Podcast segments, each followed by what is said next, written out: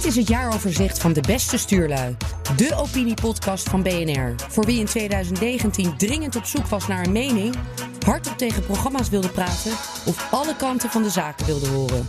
Dit is deel 1 van het jaaroverzicht van 2019. Over de Brexit, Greta Thunberg en de boerenprotesten. Ebru Oemar, Bart Nijman en Siebert van Liende over de Brexit. Nou, het zou in ieder geval wel eens tijd worden dat die brexit daadwerkelijk gaat gebeuren. Want we doen al drie jaar alsof die brexit één grote ramp is, terwijl die nog helemaal niet gebeurd is. Alleen de onderhandelingen daarover zijn een enorme ramp aan beide zijden, zowel aan de EU-zijde als aan de Britse zijde. Uh, ja, of, of Bojo hem wel gaat leveren in die korte tijd die hij heeft tussen nu benoemd worden en die 31 oktober. Het waagt wel te betwijfelen, want hij roept wel makkelijk harde brexit. Maar hij heeft ook een paar keer van standpunt gewisseld. En als je echt eerlijk bent, dan moet je hem ook benoemen als de de echte opportunist die de eerste is die echt profiteert van Brexit. Want hij heeft er de premierstitel met een rare omweg mee verworven. Of hij politiek kan leveren. Ik wacht dat even rustig af. Want je zit al drie jaar te wachten op het moment dat het uh, aan iedere deadline en ieder breekpunt wordt toch weer uh, geamendeerd op een of andere manier, wordt toch weer opgerekt. Dus uh, nou, eerst zien dan geloven. Hij toont zich in ieder geval daadkrachtiger en enthousiaster dan, dan mee. Dat vind ik helemaal niet. Uh, ik denk dat het noodzaak is om dat te zeggen. Uh, maar ik denk niet dat hij iets kan wat May uh, niet gelukt is. Ik denk dat May expres dwars gezeten is. en ik ben heel erg benieuwd hoe ze dat bij Johnson niet gaan doen. Die brexit is de brexit. Ik bedoel, de, de, termen zijn nooit positief voor een heleboel mensen. Dus waarom gaan ze dan nu op, zouden ze dan nu opeens het wel eens zijn met Johnson? Uh, zijn onderhandelingen en niet met die van mij. Ik geloof niet dat er wat anders uit gaat komen. Ja, Johnson zegt dat hij gewoon harder gaat dreigen. Van, ja, als jullie niet aan, aan, onze mensen voldoen, dan wordt het gewoon een harde brexit. Zijn we weg, hebben we allemaal een probleem. En dat is een bluffpoker die May niet ver genoeg door durfde voeren om dat voor elkaar te krijgen. Maar ik denk dat May inderdaad voor wat ze waard was heeft gevochten om er iets zo achter de schermen mogelijk, zoveel mogelijk uit te halen. Maar dat ze inderdaad met messen in de rug aan beide kanten van het kanaal uh, steeds thuis kwam. Maar kan het ook niet zo zijn, uh, uh, toch maar voor die, voor die harde brexit gaan, dan maar chaos een paar jaar doorbijten, maar uh, Britain will survive? Ja, chaos is ook niet eens een, een, een gegeven. Hè? We weten niet wat er gebeurt. Je kunt wel dreigen met chaos of, of een doemscenario, maar er zijn misschien ook wel betere scenario's ervoor te bedenken. Alleen het is niet chic om daarover te praten ja, ja, dan kun je het sprongetje naar Trump maken. De man is een mafkees en je kan zijn geschiktheid voor dat ambt ernstig in twijfel trekken. Maar in die 2,5 jaar dat hij er nu zit, heeft hij nog niet echt iets gedaan waarvan we denken: oh jee, dit gaat ons tot gigantische problemen bezorgen.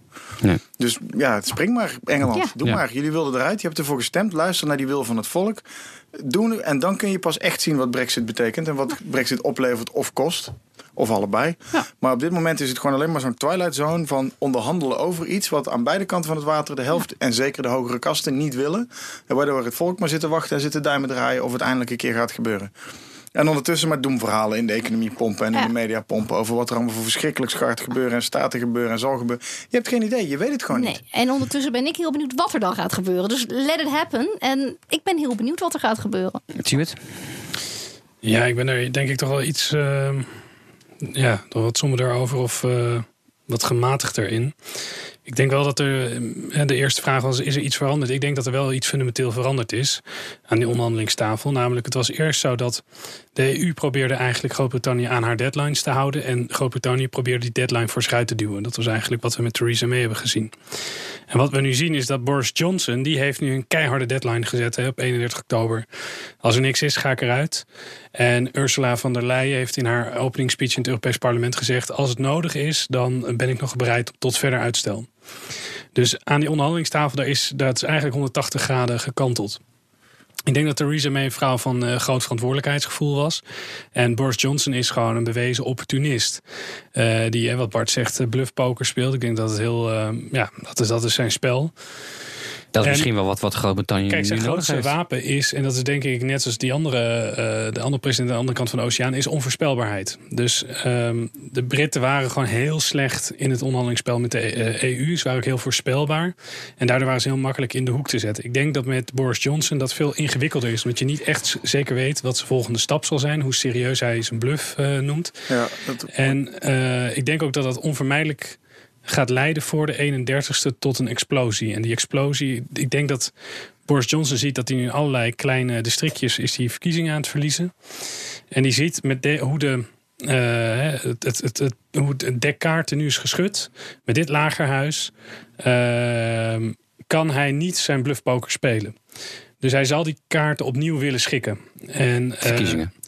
Ik denk dat hij, heeft het zelf gezegd dat hij het niet gaat doen. Maar het lijkt mij bijna onvermijdelijk dat hij als eerste zet in zijn bluffpoker. Uh, gaat kijken wat verkiezingen opleveren. En ik denk dat hij het gevoel heeft dat hij Jeremy Corbyn kan marginaliseren. Uh, en dat, uh, wat, dat we dat, wat dat betreft een beetje een herhaling van de geschiedenis krijgen. Theresa May heeft het ook geprobeerd, die heeft het verloren. En ik denk dat Boris Johnson denkt, ik ga misschien wel een soort gelijks doen. En ik ga het winnen. En dan zien we wel weer verder. En of dat leidt tot een iets uitstel of iets anders. en dat denk ik dat we. Wat, wat gaat er met Farage gebeuren in de Brexit Party als die meedoen aan uh, landelijke verkiezingen? Ja, kijk, Farage heeft natuurlijk die conservatieve partij midscheeps geraakt. Dat is echt gewoon een loeiharde lel tegen die conservatieve partij. En uh, kijk, in, in Nederland, alle verslaggeving over Groot-Brittannië is natuurlijk een beetje drie keer The Guardian. Ja. we hebben maar één beeld van wie Boris Johnson is. we vinden dat een beetje een loony. Dat is hij absoluut niet. Het is gewoon een klassicus van Oxford, meerdere boeken geschreven. Uh, acht jaar echt een prima burgemeester in Londen geweest. Als je gewoon kijkt naar de basale dingen. Hij heeft veel gebouwd, criminaliteit omlaag. Uh, openbaar vervoer, de fiets terug op de straat. Hij heeft alle, allerlei goede dingen daar wel gedaan. Dus hij, hij is wel degelijk een bestuurder. Hij is wel degelijk een denker. Hij is wel degelijk een strategisch uh, figuur. En is meer dan een, uh, een bos wilde haren. en ik denk wat hij doet is echt appelleren aan dat Engeland buiten Londen. Dus gewoon conservatief met een kleine c. Niet al te ideologisch, maar wel conservatief. hoop zelfspot. Hoop gezond verstand. hekel aan centraal gezag. Of dat nou Londen is of dat nou Brussel is. altijd wantrouwen tegen centraal gezag.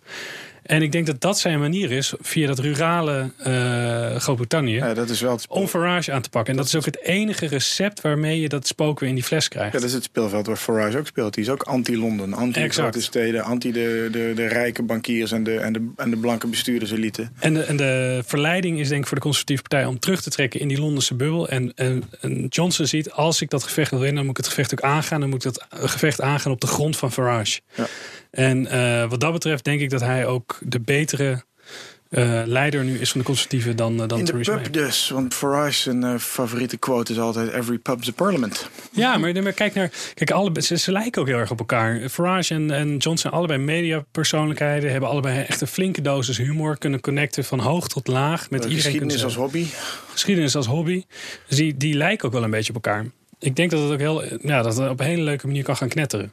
Maar, wat je nu zegt, hè, dat een hele leuke manier knetteren, dat is eigenlijk wat politiek is verworden. Het is verworden tot een soort van show, um, waarbij we dit soort dingen zeggen, maar waarbij vergeten wordt dat er nog een dat het allemaal een enorm gevolg heeft, een enorme impact heeft. Dus wat, wat is een politi politicus nog? En wat is. Ja, is het inderdaad, is het is politiek een spelletje voor de media die erover Ja. schrijven? Of moet het uiteindelijk wel echt ten dienste Ja. staan van het volk? Want dat laatste is natuurlijk waar, Ja. de, waar de grote disconnect zit tussen bestuur en ook media, denk ik, versus het volk. Die denken dat ze inderdaad de krant openslaan en ze moeten lezen dat ze geen cappuccino meer mogen. En tegelijkertijd eh, rond zo'n brexit, daar hebben ze een stem in gehad en daar worden, ze- wordt niet naar geluisterd. Hetzelfde hebben we natuurlijk in Nederland met het Oekraïne-referendum gezien. Eh, maar daarvoor ook al met het grondwetreferendum wordt twee keer heel stellig nee gezegd. En je krijgt het toch en je moet ook nog je bek houden, terwijl je met een dikke meerderheid bent. Ja, dat, die disconnect ga je niet fixen met eh, interessante spelletjes en, en eh, het, het theater tussen politici onderling waar de media over praten. Het moet uiteindelijk wel iets Theater is het opleveren. juiste woord. Nee, maar dat is het. En Ik geniet overigens ook van dat Boris theater. Johnson is natuurlijk. Nee, dat, is, dat is helemaal waar. En daarom ben ik dus ook wel iets zonder.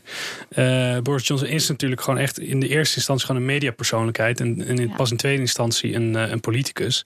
Dus ik, eh, ja, ook hoe hij nu als minister van Buitenlandse Zaken heeft geopereerd. Ik, ik krijg er geen vertrouwen van. Hoe hij als burgemeester was, opereerde wel. Maar in- toen hij naar Westminster ging.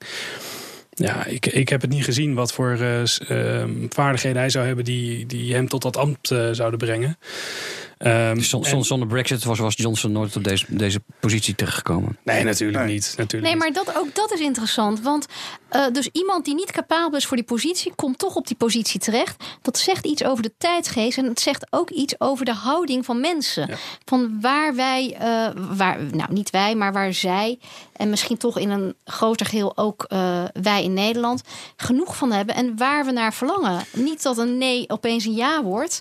Maar de hoop is er nog steeds dat er mensen opstaan die wel doen uh, wat ze beloven en wat uh, wij, zij allemaal willen.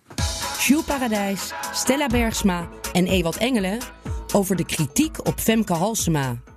Ja, natuurlijk is de positie van de burgemeester nog houdbaar. Uh, dat lijkt me wel. Ik zou niet weten waarom niet eigenlijk. Ik snap dat ze, uh, dat, dat, ze kritisch bevraagd wordt over de hele kwestie. Maar dat is het dan ongeveer. Ik denk dat ze kritisch bevraagd gaat worden. Dat ze er sterker uit gaat komen. Dat ze een betere burgemeester dan ooit gaat zijn. Ik kan het niet met je eens zijn. Uh, het, is, punt is dat de burgemeester heeft uh, aangezag verloren door die privé-kwestie. Maar nog meer door eigenlijk de afgelopen jaar, anderhalf jaar, wat er hier in de stad gebeurt, ligt er een hele negatieve, pessimistische deken over de hoofdstad. En dat heeft te maken met de kleur, de groene kleur van het, van, van het college. maar dat inmiddels in een soort crisis terecht is gekomen. Niet alleen door, die, door, door het wapen en haar, en haar man, die een uh, bizar en, en een idioot interview heeft gegeven aan NRC, maar ook door het aftreden vorige week van de wethouder Financiën, Udo Kok. En dat heeft dan te maken met de afvalverbrandingscentrale, waar ja, waar, waar echt een moddergevecht is ontstaan tussen wethouders, wethouder Dijksma, die mogelijk eh, zeg maar de, de potentiële overnamekandidaat Belen heeft probeerde te chanteren. Het vertrek van uh, misschien van D66 uit de, uit de coalitie.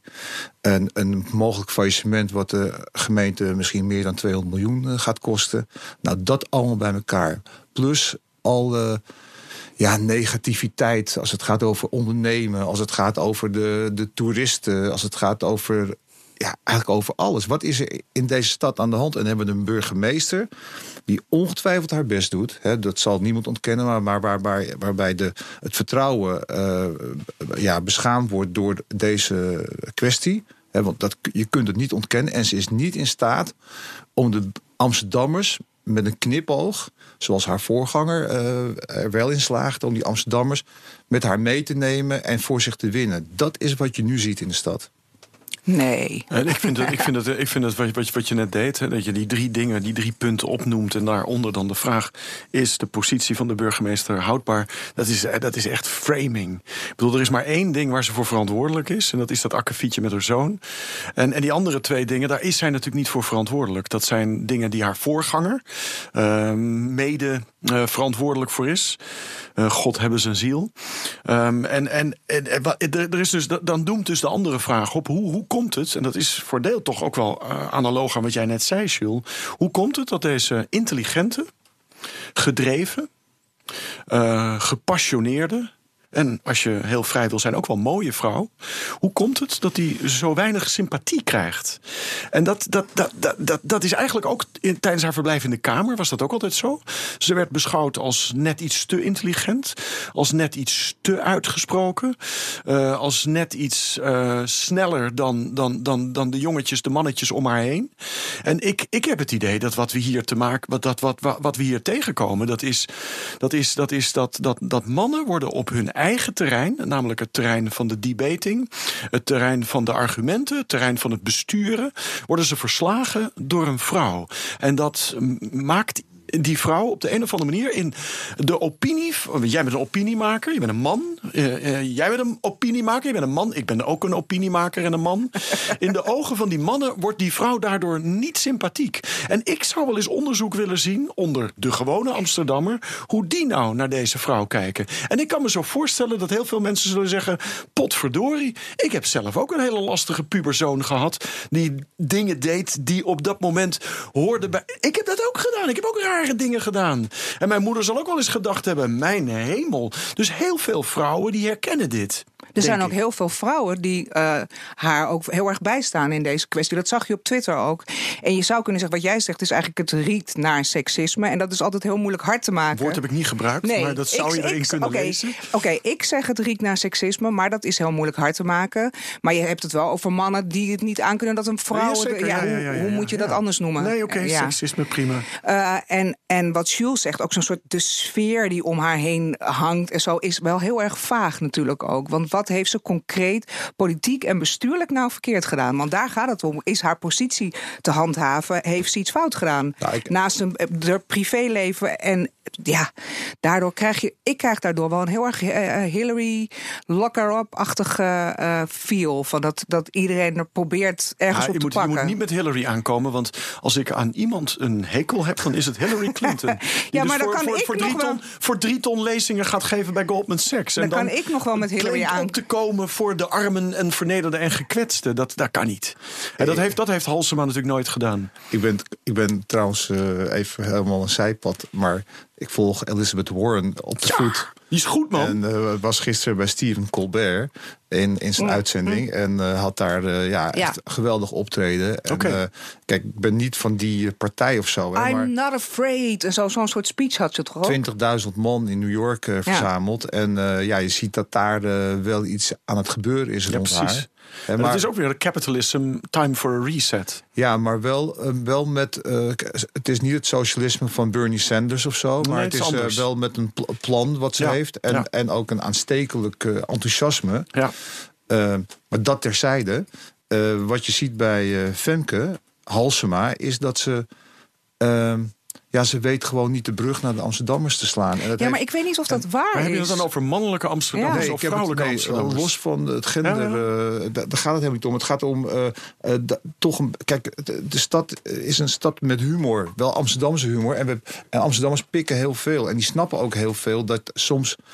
En daar slaagde Van der Laan wel in. Terwijl hij misschien eh, eh, helemaal niet zo'n goede burgemeester was. Maar hij raakte toch eh, die Amsterdammers op het juiste moment.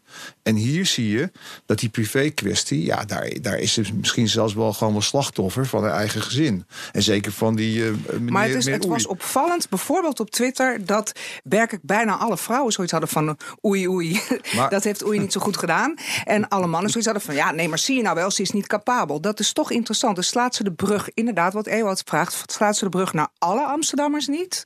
Of naar bepaald soort Nou, Amsterdammers niet? Rond die kwestie van, dat, van die revolver is er natuurlijk heel veel mist eh, ontstaan. En heeft ze mist laten ontstaan. Ook van ja, inderdaad, je kunt nu allerlei vragen stellen. Eh, waarom lag het dossier over die zoon pas op de dag dat de Telegraaf het eh, onthulde? Waarom niet een dag of twee dagen eerder? Hoe kan het zijn? is, is hij op de hoogte geweest van die revolver in het nachtkastje? Eh, nou, er zijn allerlei vragen die je kunt. eh, en, en, maar ook, de, ja, zoals zij. Misschien is inderdaad wel slachtoffer dat haar man zegt dus in de NRC. wat een volgens mij geen gecontroleerd interview was. Want ja, op het moment dat je dat terugkrijgt van die twee journalisten uit het café. dan ga je natuurlijk, eh, denk ik, als burgemeester. ga je daar enorm in, in schrappen met het rode potlood. Is niet gebeurd. Ja, en daar staat dan dat, dat de vader van haar kind. in Thailand zegt: Nou, weet je wat. Eh, ik blijf hier nog eh, twaalf dagen zitten. Maar nu zeg je toch allemaal weer een beetje van die telegraafachtige sferische verdachtmakingsdingen. Nou, die, niet, niet. die nog steeds niks zeggen over Nee, of haar positie ik- te dat- handhaven nee, ik probeer is. aan- En of ze haar probeer- werk goed doet. Ik probeer aan te tonen of te bewijzen dat, eh, dat zij zelf slachtoffer is van, Ja, ja, ja. van die, van die privé-kwestie. Nee, ik, ik snap Dus wat je probeert, Maar, maar, maar dat maar is natuurlijk ook, een bedoel, beetje ik, ge- soort... ik geef het je te doen. Hè. Je, je, je woont en leeft en werkt in een glazen huis. Je weet dat alles en iedereen op je, op je let. En je wordt dan geconf- vervolgens geconfronteerd met, met zo'n akkefietje van je zoon.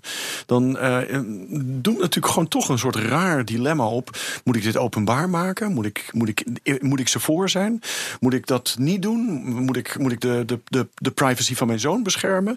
En, en, en volgens mij is bijna iedere keuze die je in zo'n dilemma-situatie maakt, is, is een verkeerde. Nee, dus je kunt, En een verdachte, als je, ja, als je iemand Ja, ja, verdacht ja, wil ja, ja, maken. ja. de- dus je zou ook kunnen zeggen van ja, burgemeester.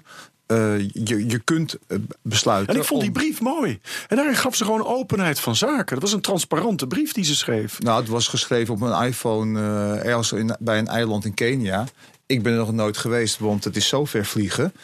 Maar ik kan me ook voorstellen dat je, dat je zegt nu van... nou, ik ga me nu concentreren op het gezin. Eh, dus ik trek me terug als burgemeester. Dus dat, Ah, is, ga toch heen. Wat is dat, nou voor een onzin? dat is een variant die ze niet gaat... da- Daar is ze te Nee, veel en zou, maar zou je dat ook voor. serieus? Nee, Zou je dat nee. zeggen als het een man was? Nou, dat, dat kan ook, dat, ook dat is fout, want dat kan gezien worden als Maar vaandelvlucht. de tweede variant is dat we nu eh, op dit moment een, een debat hebben over een mogelijk faillissement. Het wordt over net leuk. honderden miljoenen. Waarbij zij als burgemeester en voorzitter van het college, dus zij heeft, als het gaat om eh, eh, het bij elkaar houden van eh, allerlei eh, wethouders. Ja, daar is het ook op dit moment ingefaald. Want in deze afgelopen twee weken is een wethouder opgestapt. Ja. En de PvdA-wethouder Sharon Dijksma, die overigens als bestuurder veel en veel meer ervaring en Ja, veel maar dat zijn allemaal nog steeds geen dingen Wordt- waardoor je kan zeggen wordt- dat haar positie niet te handhaven is. Dat is We gewoon gaan, het, we, gaan, we, gewoon- we gaan het zien, denk Wordt ik. beschuldigd van corruptie. We gaan het zien. Wat er, Of chantage, ze, sorry, herstel of chantage. ze de boel bij elkaar weten houden. à la Cohen. Linda Duits, Jan Latte en Siebert van Liende. Over Greta Thunberg en het klimaat. Mijn ergernis is een soort van ergernis, maar eh, misschien ook wel een soort van ehm, verlekkering die ik daarbij heb. En dat zijn de oude witte mannen die losgaan op ons aller Greta. Eh, en dan heb je een meisje en die vraagt aandacht voor het klimaat. Ze vraagt aandacht voor wetenschap. En dan zijn er oude witte mannen van een zekere leeftijd. die menen haar belachelijk te moeten maken. Ik vond dat Jan Kuitenbrouwer. die spande de kroon. en die had echt een hele domme tweet. over een Justin Bieber telefoonhoesje. Dat je ook denkt. je hebt echt geen idee wat meisjes van 16 tegenwoordig leuk vinden. Eh, en die dan menen zo'n meisje belachelijk te moeten maken. terwijl zij, denk ik, met heel erg belangrijke dingen bezig is. Dus daar erger ik me aan. Maar tegelijkertijd denk ik ook. ach, ach. Jullie tijd is ook voorbij. Jullie relevantie is weg. Het is ook aan de mensen zoals eh Greta Thunberg die de, die de toekomst hebben. Oh jee. Maar jij zegt eh, witte mannen. Dan denk ik meteen, heb iemand uitgezocht hoeveel witte vrouwen er ook iets zeggen? Ja, of maar zeggen die helemaal niks? Hoe kan dat dan? zeggen die nooit dat ja, soort hoe kan dingen. dat dan? Wat denk je? Hoe komt dat dan? Ja, ik denk dat dat. dat ja, er zit natuurlijk een gendercomponent eh hierin. Dus, dus er zijn gewoon, dat merk ik zelf ook eh, als feminist die over bepaalde dingen mening heeft. Dat, dat sommige mannen daar niet zo heel goed tegen kunnen. En dat zie je dus nu ook. Zou Ik denk als Greta een, een jongen was geweest, ehm, dat zij veel minder eh, van dit soort dingen over haar heen had gekregen. Het gaat voortdurend over haar uiterlijk. Het gaat voortdurend over haar stoornis. Dat zou bij, als het een jongen was geweest, denk ik heel anders zijn gegaan. Ik bedoel, Siewert, Ja, jij was je, ook eh, als tiener politiek actief. Hebben mensen toen jouw uiterlijk zo door de mangel gehaald als dat van Greta? Zeker, ja. Ik kan me nog goed herinneren dat bijvoorbeeld eh, ik eh, hele fotofuck Fridays kreeg op eh, Geen Stijl. Waarop je mooi mijn gezicht kon verbouwen. Omdat ik als een soort van Harry Potter uitzag. En dat ook inderdaad eh, zeker mensen van middelbare leeftijd... eh, stukje na stukje na stukje na stukje eh, dat kapot moesten schrijven. Maar ook zo duidelijk op je uiterlijk of ook op ja, gewoon ja. andere zaken? Nee, dat vinden ze heel bedreigend. Jonge mensen met een mening. Er wordt gelijk van gezegd van... eh ga eens naar school. eh, wat weet je nou eigenlijk? Wat ben je lelijk? eh. Maar, maar dus nee, zeker, die hele golf Ja. die is heel herkenbaar. Maar ik deel dat ook niet. je zegt dat zo, hè, van die witte mannen. Maar ik denk, ja, er kunnen meer selectiemechanismen spelen. Het kan ook zijn dat die journalisten vooral op die mannen letten en niet op de vrouwen. Dat kan ook spelen. Je, je kunt het niet aantonen wat het is. Maar er zijn zeker ook vrouwen die opmerkingen maken. Alleen misschien zijn er minder vrouwelijke psychiaters dan mannelijke psychiaters. Ik weet het niet. Nou, het zijn geen psychiaters die die opmerkingen maken over nou, die stoornis. maken ze ook, maar die komen niet in de dat, was dat maar zo? Nee, het, het gaat natuurlijk over, over bepaalde opiniemakers die daar heel vocaal op, over zijn op, eh, op Twitter. En er zijn ook wel een paar vrouwen aan die kant. Maar eh, dit, is, dit is toch wel iets wat in die hoek zit. Ja. Nou, het valt me sowieso op dat eh, mannen van middelbare leeftijd zijn iets meer opinionated, heb ik het idee, dan alle andere mensen in, in eh, onze samenleving. Ik moet wel zeggen, ik was best. ehm, ja, ik wist eigenlijk helemaal niet zo goed wat ik aan moest met die hele speech bij, eh, bij de Verenigde Naties. Ik merkte dat ik zelf dus gewoon kijk naar de speech. Er zaten alle klassieke registers van de speech zaten erin. Hè, dan het pathos, logos, ethos, alles zat erin. Ik vond het tegelijkertijd ook heel hysterisch. Eh, tegelijkertijd kon ik ook niet zeggen dat haar feiten nou niet echt klopten. Eh, en de, bij mij bleef hangen van met name één vraag: hoe authentiek is dit? Dus ik zat zelf ook van de week even te zoeken van. Hoe is deze speech nou tot stand gekomen? Hoe is ze naar New York gegaan? Ik heb ook een heel, echt een hele interessante site. Dat is een Australische journalist. Die heeft dus de making of Greta Thunberg onderzocht. Heel diep. Ehm, en daar schrok ik eerlijk gezegd wel een beetje van. Dat ik dacht, oké, dat is misschien dus wat ik in mijn onderbuik aanvoel qua authenticiteit. Wat gaat bedoel je dan dan hier met nou, authenticiteit? daar gaat bijvoorbeeld dan over dat haar moeder heeft al een boek geschreven... een jaar voordat zij publiek werden. Dan gaat ze voor een parlement zitten met een kartonnen bordje. En dan blijkt eigenlijk al dat de PR-agent van haar moeder... dat is de eerste passant die dan haar tegenkomt... daar een filmpje van maakt. Zorgt dat het viral komt. Dat eigenlijk journalisten al waren ingeseind.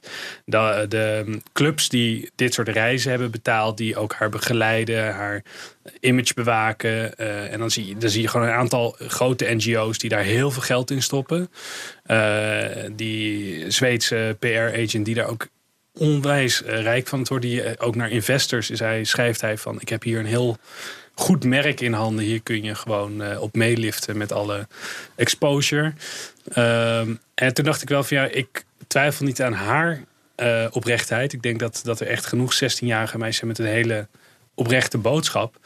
Maar het circus om haar heen is zo langzamerhand ondoorzichtig en eh, eh, wel ook een lobbycircus geworden. Maar dat kan, dat kan denk ik dat bijna ook niet anders. Hè? wel door haar boodschap heen. Ja, nou ja, kijk, wat vervelend is. Maar dat kan wel anders. Nou ja, wat, Dat wat natuurlijk vervelend is, is dat ehm, in plaats van dat we het dan over die boodschap hebben, dan gaat het dus over dit soort ehm, eh, vragen die mensen hebben of verdachtmakingen die, die daarbij, die daarbij gezet worden. Het zijn maar, constateringen dat je weet van... Ja, maar dus- er dus wordt die- iets aan je gepresenteerd... wat eigenlijk heel authentiek en vriendelijk lijkt...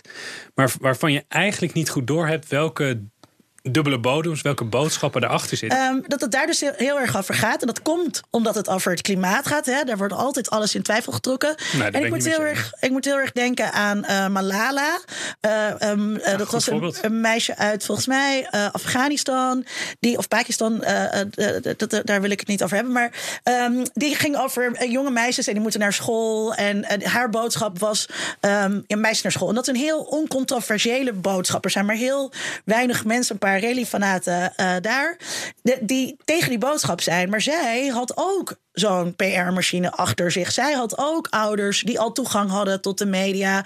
Maar dan krijg je dat circus, of dan krijg je die vragen, krijg je veel minder dan wat je, wat je hierbij ziet. Nou ja, dat speelt En dat- natuurlijk een rol. De intensiteit van, van de boodschap waar het over gaat, dat gaat iedereen raken. Het is, Dus je bent naïef als je denkt dat, dat er een Maar- meisje is dat in haar eentje zoiets opzet. Natuurlijk zit daar meer achter. Maar wa- wa- wat zien we bedoelt, kijk, als je weet dat er zo'n heel apparaat achter zit, dan ga je toch altijd twijfelen over niet alleen authenticiteit, maar ook worden we niet bedot. Hoe, hoe minder authentiek het is, hoe eerder je denkt, oh, daar zit, eh, de- we worden gemanipuleerd. Dat zit ook altijd achter dit soort circusvertoningen. Ja, daar Dan vroeg ik dus ook wat manipulatie. bedoelde met authentiek. Omdat, eh, wat je zegt, hè, je gelooft dat, eh, dat eh, zij dit oprecht vindt. Ja. Ehm, maar wat is dan... ehm, wat, ja, wat bedoel je dan? Is het, is het niet oorspronkelijk? Is het te commercieel? Authenticiteit is een tegenovergestelde van heel erg veel dingen. Nou, dat, dat eh, waar mijn twijfel zit, is als je dus ziet dat een aantal hele grote NGO's, een aantal hele grote multinationals dit soort campagnes financieren en heel bewust met kinderen aan de slag gaan om bepaalde boodschappen voor de bühne te krijgen. Dan vind ik dat je heel erg moet opletten en heel rationeel moet blijven. En ik vind met name van Malala vind ik een heel goed voorbeeld, maar ook bijvoorbeeld Aylan. Eh, dit zijn je emotionele registers worden aangesproken. En dat doen ze heel bewust, heel campagnematig. Eh, en dan vind ik gewoon dat je dubbel moet opletten. En Weet je, ik ben zelf, eh, ik, ik eet zes dagen per week tofu, scheid mijn afval, heb zonnepanelen op mijn dak. Ik ben helemaal niet een soort van klimaatveranderd ontkennend persoon. Dus daar wil ik het ook helemaal niet eens over hebben. Maar ik merk wel dat ik, ik voel daar weerstand bij mezelf. Eh, omdat je daar manipulatie. manipulatie, dat, dat- ik, dat dat je er dat niet volledig openheid. En dat, dat bewijst zij ook in haar campagne elke keer dat er niet echt openheid komt wat er nou gebeurt. Om een voorbeeld te geven, ze gaat nu naar New York negen maanden op reis over de wereld. En haar campagne wil niet aangeven wie die reizen bijvoorbeeld bekostigt en wat hun achterliggende doel is. Dat vind ik wel ingewikkeld. Dat is ook, dat is ook ingewikkeld, ja. En dat is ook onnodig, denk ik. Nou ja, kijk, ik ben het met je eens dat het... Want en ik kan me dus voorstellen het- dat dat, zeg maar, voor mensen die toch al een beetje maatschappelijk tussen, dat ze dan denken, ja, we worden, hier wordt boven ons hoofd een spelletje eh, gespeeld. eh, en onze emotionele registers worden opengetrokken. En dit is niet meer rationeel. Dit is niet meer iets wat ik. Wat in onze democratische arena op een open manier naar ons wordt gepresenteerd. Je zegt, je maakt het de tegenstanders dan wel heel makkelijk. Ja, dat denk ik wel. En tegelijk andersom. Dus daarom zeg ik, na een week weet ik nog steeds niet wat ik ermee aan moet. Dat is de ene kant van het verhaal. Aan de andere kant denk ik ook. Ja, ik word ook een beetje moe van de mannen die eh, haar op haar uiterlijk of op een geestelijke beperking pakken. En denk ook, ja, voor sommige mensen is het misschien makkelijker om daarop te ageren dan om zich bezig te houden met het bovenliggende onderwerp. Omdat dat, als je dat echt tot je laat doordringen, zo levensveranderend is of zo ehm, leidt tot eh, hele ingewikkelde conclusies in je eigen leven. Dat mensen dat even eh, parkeren en Ja, dan zich maar richten op dat maar, meisje. maar dan gaan Dus de het dingen weer door elkaar. De- De mannen die dus eh, kritiek hebben op, op haar uiterlijk. Nee, er zijn ook mannen die hebben kritiek op het misbruiken van haar manier van presenteren. Haar uiterlijk dus. Maar niet om het uiterlijk, maar omdat het misbruikt wordt. En ze bespotten haar uiterlijk. Ja, maar ik geloof niet dat iedereen het uiterlijk bespot. Mensen bespotten het uiterlijk omdat ze die, die, die, dat eh, gebruik als middel, haar uiterlijk als middel, dat ze dat zo afkeuren. Ja, er, ga- er gaan Daar foto's rond om? waar, waar zij... Dan staat ze heeft een foto met vlechtjes. En dan worden er foto's van nazi-meisjes met vlechtjes nou ja, naast dat, dit soort dingen ken ik dan niet. Ja, maar dat- dat laten is- we dat zeggen, is waar ik het over heb. Ja, maar laten we het in een wat serieuzere eh, beeld houden. Waarom, waarom gebruik je eh, dat soort kinderen bijna, met toch een beetje afwijkend gedrag, als je dat ziet, wordt dan ingezet voor zo'n serieus onderwerp. Ja, dan ga je ook dat onderwerp bagatelliseren of minder serieus maken. Ik, ik, ik, vind het een totaal foute combinatie. Ik, ik denk dus dat het wel heel mooi een kloof eh, laat zien. Waar ehm, heel veel mensen zich echt niet van bewust zijn. hoezeer het klimaat leeft bij tieners van nu. En ik Maar denk dat dat. En dat is iets wat heel erg onderschat wordt. En daarom heb je dus wel zo'n Greta nodig, eigenlijk als boegbeeld. Eh, ik ben er ook niet onverdeeld blij mee hoor. Maar ehm, het was heel gek geweest als, eh, als daar een veertiger had gestaan, zeg maar, als boegbeeld. Omdat het juist onder die groep zo leeft. En het ook veel sterker leeft dan onder twintigers bijvoorbeeld weer. Dat, dat die urgentie die bij die tieners zit, dat is ook wel echt iets wat de oude generatie eh, lijkt te missen. Die denken ook, ehm, we kunnen hiermee wegkomen. Ja, we kunnen wegkomen Denk ik in het met geheel niks niet doen. eigenlijk. Nee, denk ik ook Ik denk ook als, als je gewoon echt je verdiept inhoudelijk in eh, klimaatbeleid. eh, met al zijn mitsen en maren. Maar dat de afgelopen vijf jaar een enorme verandering op gang is gezet. En dat, dat het ook, waar ik nog wel eens bang voor ben, als ik nu bijvoorbeeld gastlessen geef op middelbare scholen. De angst die daarin zit dat dit helemaal misgaat. Eh, en dat ze niet kunnen aangeven waarom. Maar gewoon het fundamentele gevoel, eh, we, misschien gaan we wel dood in dit leven omdat we gewoon overspoeld worden. Of misschien gaan we wel dood omdat het hier gewoon eh, 45 graden wordt in Nederland. Dat is echt wetenschappelijk totaal ongefundeerd. Dat Dus die gewoon kinderen worden, tieners. Je die, nee, maar die worden gewoon geladen met emotionele prietpraat. En ik denk wel dat als je een optimistisch scenario willen maken hoe, je, hoe we er hier toch nog goed uit gaan komen, dat is maakbaar. En dan moet je kinderen voor veel meer stimuleren om eh, te kijken naar technologie, naar levensstijl, verandering, allerlei veranderingen. En eh, ze daarin mee te nemen. In plaats van alleen maar te bombarderen. met Maar je zegt ze worden gevoed. En, maar dat, en dat, Ja. dat denk ik dus helemaal niet dat het zo is. Kijk, die, onder tieners leeft het heel erg. En zij zijn er heel erg mee Naar de bezig. speech van eh, Greta Thunberg. Je En hebt ik- mijn leven verpest. Je Ja, hebt mijn jeugd maar- verpest. Alle dromen zijn kapot. Maar ik Dat is geloof niet, dat, apocalyptisch. ik Ja, geloof niet nou, dat die- deze boodschap hen gevoed wordt door zeg maar, dit is echt wel iets. En dat hysterische, dat hoort dus ook heel erg bij tiener zijn. En het overdrijven. En het denken dat jouw generatie de eerste en de enige generatie is die zoiets heftigs Ja, maar dan los je toch niet meer op met hysterisch doen. Ik bedoel, eh, Maar, maar niemand zegt toch ook dat die tieners het moeten oplossen? Ik vind het dus heel interessant om te zien hoe die kloof eh, eh, enorm is tussen die leeftijden. Nee, denk ik niet. hier. De kloof is enorm in de manier van presenteren. Als je wat ouder bent, dan doe je het wat rustiger. En dat, en dat beeld wil men dus niet. Dat werkt niet. Als Merkel het zegt, dan wordt het ook afgewezen. Eh, maar dat is te rustig. Eh, hier, hier is de kloof in presentatie, niet in, in zorgen. Want je gaat me toch niet vertellen dat die ouders van die tieners... dat die niet zorgen hebben hoe het met hun kinderen straks zal gaan. Als je hier in de Randstad woont en je hebt zorgen... eh, over het feit of de, Rand, of de Randstad-provincies onder water lopen als ouder... en je hebt kleine kinderen... Ik denk dat je dan zorgen hebt, hoe moeten mijn kinderen straks eh, naar Limburg verhuizen? Hè? Hoe erg is dat? Ehm, dat soort dingen allemaal, dat- is toch niet losgekoppeld? En dat de mensen elektrische auto's kopen, ehm, dat zijn toch de ouderen, dat zijn toch niet de tieners? Dat, dat soort dingen allemaal. Toch niet met je eens. Eh, Het middel is, wordt nu ingezet op jong. Dat spreekt misschien jonge tieners aan, maar diezelfde tieners die gaan ook rustig weer eh, een weekendje naar Barcelona en zo trekken zich ook niks van aan. Ze zijn even heel gem- gemotiveerd om, om actie te voeren. En leuk, we hebben iemand van onze leeftijd. Ja, Ik zie dat niet anders een zo'n popster van hun eigen leeftijd. Daar kun je ook niet hebben dat tieners eh, het idool hebben van de generatie daarvoor. Die hebben hun eigen idolen, zoals Greta dan een eigen idool. Dat geloof ik wel. Maar wie het moet doen is niet Greta, dat zijn die ouders. Nu. En Ja. de politici, nu. Die moeten het doen. Ja, en, die moeten het doen. en die hebben toch een ander gevoel voor urgentie. eh. Nee, nee, dat betwijfel ik. Ja. Als jij kinderen hebt, ik, lijkt me verschrikkelijk om te denken van straks eh, die kinderen die, die gaan met 45 graden straks dood. Als, kijk bij, ik ben al oud genoeg, ik ben dan al dood. Ik hoef niet te wachten op die apocalyps. Dus, maar met die kinderen, dat vind ik een probleem. En als je die kinderen hebt, dan denk je echt wel aan, daar heb je een verantwoordelijkheid voor. Eddie Terstal, Bart Nijman en Joram van Klaveren over de boerenprotesten. Mijn ergernis deze week gaat over Dolf Jansen en eigenlijk alles waar hij voor staat. En het is eigenlijk meer een medelijden dan een ergernis. Want ik zag bij het eh, boerenprotest een foto van een lachende boerenzoon van een jaar of tien in een blauwe overal. En eh, die houdt een bord omhoog en daar staat op: Ik wil ook een toekomst.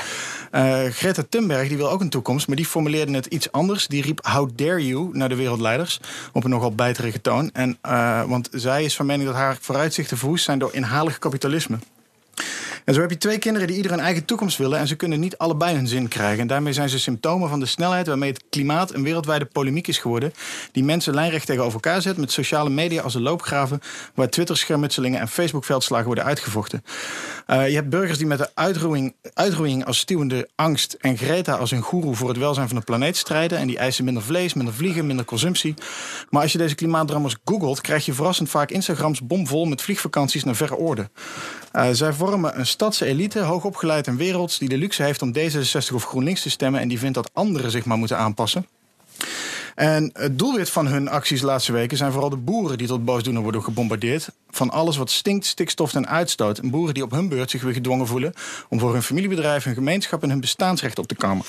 Getergd en vastberaden reden ze daarom naar Den Haag in een eindeloze kolonne van trekkers waar politici een beetje bang van worden. En dat is toch hoe je politici het liefst wil hebben.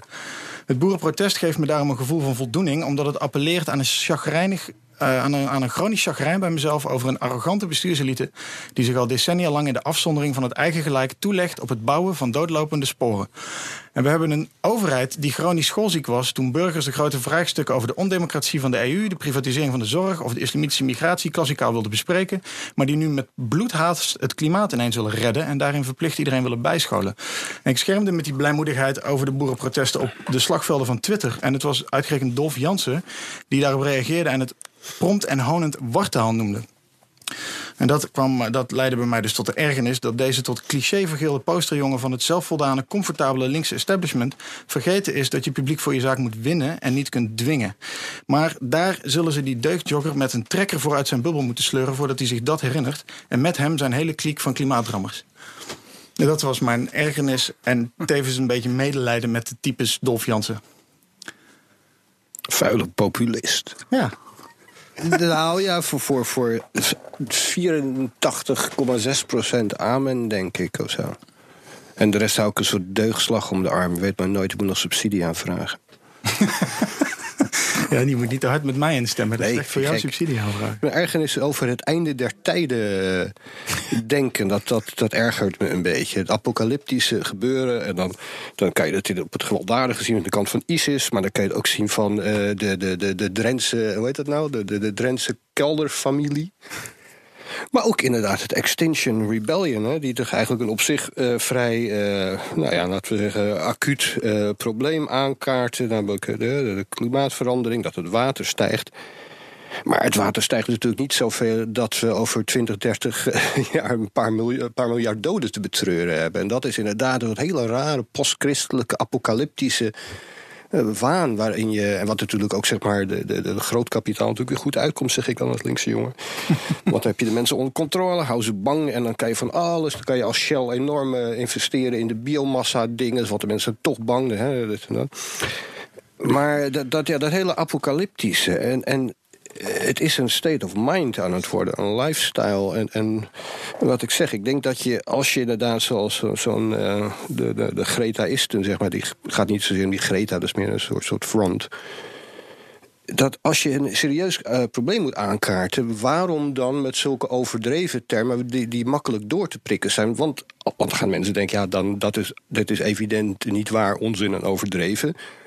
Maar uh, dus dan zal er wel niks aan de hand zijn. En dat, dat, is, dat laatste is absoluut niet het geval. Een halve meter stijg ik van de zeespiegel. Dat levert inderdaad niet mil miljarden doden op. Maar het is wel een probleem. Het is ook niet alleen dat. Het is als je met van die apocalyptische termen gaat zwaaien... dan trek je ook alleen maar mensen aan die daar gevoelig voor zijn. En dat zijn meestal niet de meest, meest rationele, uh, rationele van geest, ja. inderdaad. Ja. En dan zie je dus dat zo'n Extinction Rebellion... die als ze een klimaatpunt willen maken... echt geen het totale waanzin verkopen, wel retoriek gebruiken die alleen maar waanzinnige aantrekt. En dan staan er alleen maar Maar er ontstaan wel, wel nieuwe dansvormen ontstaan erdoor. Dat is ook niet, niet geheel onbelangrijk.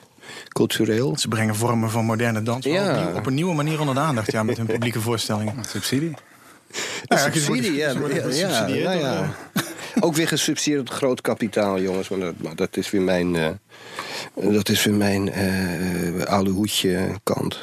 Maar het wel, ik vind het wel opvallend dat het eigenlijk allemaal ehm, een soort seculiere christelijke theologie is. Met Ja, natuurlijk dat, oh ja. dat hele Ja. schuldgevoel. Je ziet een soort erfzonde. Ja. Je hebt natuurlijk de- het eind der tijden wat eh Ja, is. Ook dat is natuurlijk een, eh, een bekend... eh, Het heeft inderdaad heel veel te maken, denk ik, met wat Joram noemt, inderdaad, dat, dat postchristelijke schuldfetish. Omdat dat is niet alleen een spiritueel ding, maar het is ook een maatschappelijk ding. Hè. Op het moment dat je dus.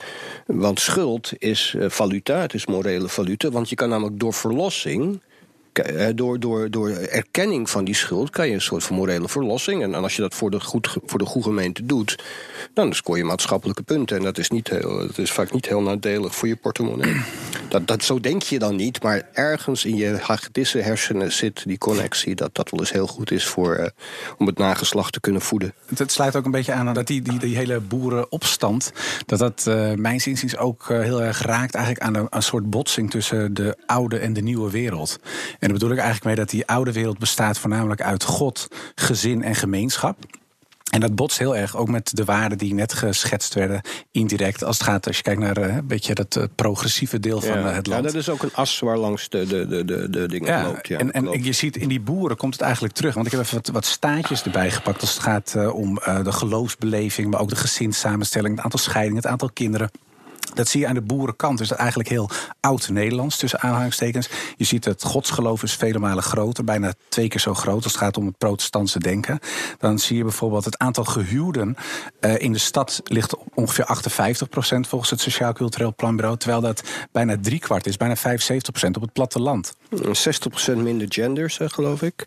dat, heb ik niet, dat, dat, zag ik niet terugkomen in het, uh, in het stuk. Alleen wel bijvoorbeeld het aantal gehuwden met kinderen. Dat is 44 procent tegenover 54. Is bijna 10 procentpunten verschil. Dat is heel erg groot. En ik denk dat dat botst. Want bijvoorbeeld, hè, je ziet als het gaat om die klimaatfiguren...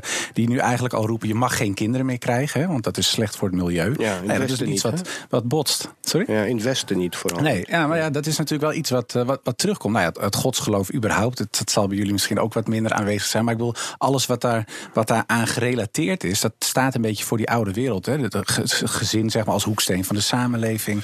Um, en, en dat soort dingetjes, dat brokkelt af. Uh, instituties waar voorheen natuurlijk een, een, christelijk sausje overheen zat... dat ja. uh, langzaam verdwijnt. En ik denk dat dat ook iets, misschien onbewust, meespeelt... in de aversie van voornamelijk veel progressieve mensen...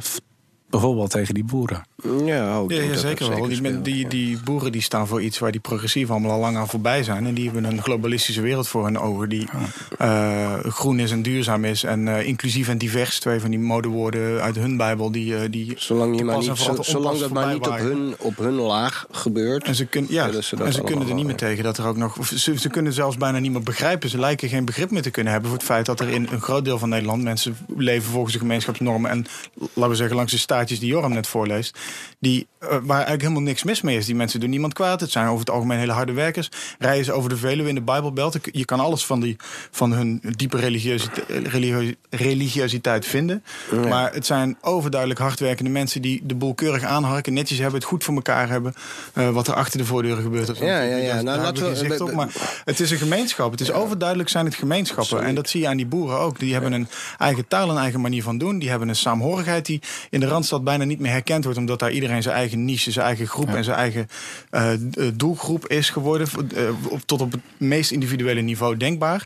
En uh, die boeren die komen op hun eigen manier met wat aftandse maniertjes komen ze daar binnenrijden. Want neem die kist waar je een hoop over te doen is, waar Jesse op staat. Nou, ik denk dat dat absoluut geen doodsbedreiging is. Dat is een beetje banale boerenhumor. Dat is een punt willen maken op een manier die hier laten we zeggen in het westen van het land, niet echt meer geaccepteerd wordt. Omdat die agressief overkomt, omdat die uh, nou, niet inclusief genoeg is, omdat ja, het als een bedreiging wordt ervaren. Dat ben die boeren ben, gewoon ben niet helemaal doorhebben dat ze daarmee zoveel ophef veroorzaken.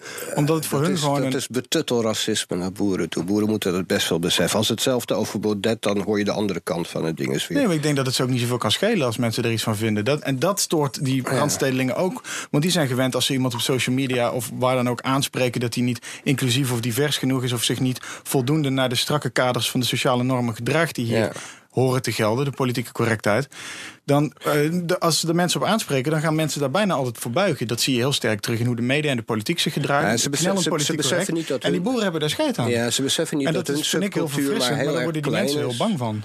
Ze beseffen niet dat de subcultuur waarin ze zitten heel erg klein is... en dat het grootste deel van de rest van Nederland totaal anders denkt. En zijn steeds weer verbaasd. Dus waren ook verbaasd over Brexit, waren ook verbaasd over Trump. Ik was er helemaal niet verbaasd over. Ik bedoel, als je, Nee, het zegt meer over hen dan Ja. over de boeren of over de brexit stemmen. Ja, maar dat is ook een beetje. En bedoel, je, je zet erin op populistische toon. Dus, dus dat is het stijltje. Eh, Dit gaan we als, als, als, hè, als kunstmatig. Dit gaan we als kunstconcept voor deze podcast even doorzetten. lijkt me. Dus ik voel me volkomen gelegitimeerd om op die golven mee te gaan. Nee, maar, nee, maar eh, wat inderdaad zo is. Er is een, een, een grote haat. Altijd natuurlijk al geweest vanuit de bovenklasse naar het, het, het volk. Eh, dat, dat is, eh, of, of ah, ja, min, minachting of zo. Dat zijn toch mensen met rare accentjes, mensen met rare gewoontes, met een vreemde muzieksmaak en dat soort dingen. En nu, eh, en dat was altijd een soort van ritueel iets geweest. Het was altijd heel erg.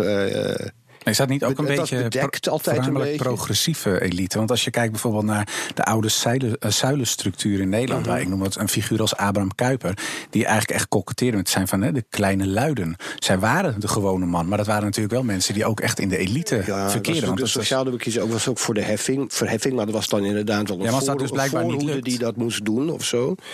Maar je, je, je ziet nu dat, dat zeg maar de, degene die dan eh, de elite worden genoemd, eh, dat die, dat die eh, nu ook iets gevonden hebben waarop ze het volk ook kunnen pakken.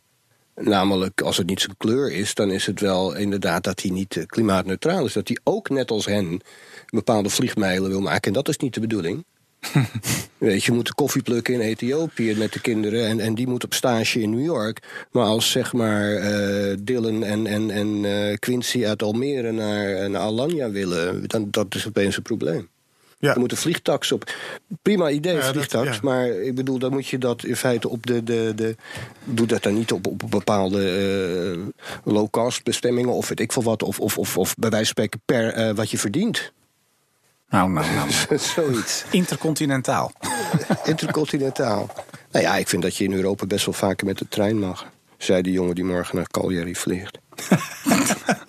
Ik zag dat die klimaatmensen ook heel boos waren op de metro in Londen. Toen dacht ik nog, dit is natuurlijk een, een klimaatneutraal vervoermiddel. Ja, en ga je met z'n allen op, op de Ja, metro. in de ochtendspits in een drukke stad. Waar maar waarom dan mensen- op de metro? Ik, als ze nou op een taxi gaan staan, dan zou het nog in hun optiek logisch zijn. Maar dit slaat nog nergens op. Dan heb je een elektrisch vervoermiddel en dan ga je dat ja, Ja, maar ik denk dat dat geeft toch wel enigszins aan dat je toch met een IQ van een, van een, van een pak waspoeder te maken hebt bij een aantal van die gasten. Ja, en dat het dus een bepaalde eh, drammerige hysterie het overgenomen heeft van een rationeel denken. Want anders had je wel twee keer nagedacht voordat je dat moment in de vroege ochtendspits van Londen op die locatie een metro, eh, een, een relatief klimaatneutraal vervoermiddel heeft, hebt gekozen om mensen te gaan wijzen op het feit dat ze allemaal uitsterven als ze nu niet heel snel iets klimaatneutraler gaan doen. En vervolgens word je door, door eh, multicultureel Londen gewoon op het, op het, eh, van het dak afgesleurd. Ja, en ja, niet alleen ja, ja, door iedereen die Ja, daar door ja, iedereen, ja, al alle die Engelsen forensen leken eensgezind of ze nou blank, zwart, man, vrouw, whatever de afkomst. Het was gewoon kom van het dak af en opzouten.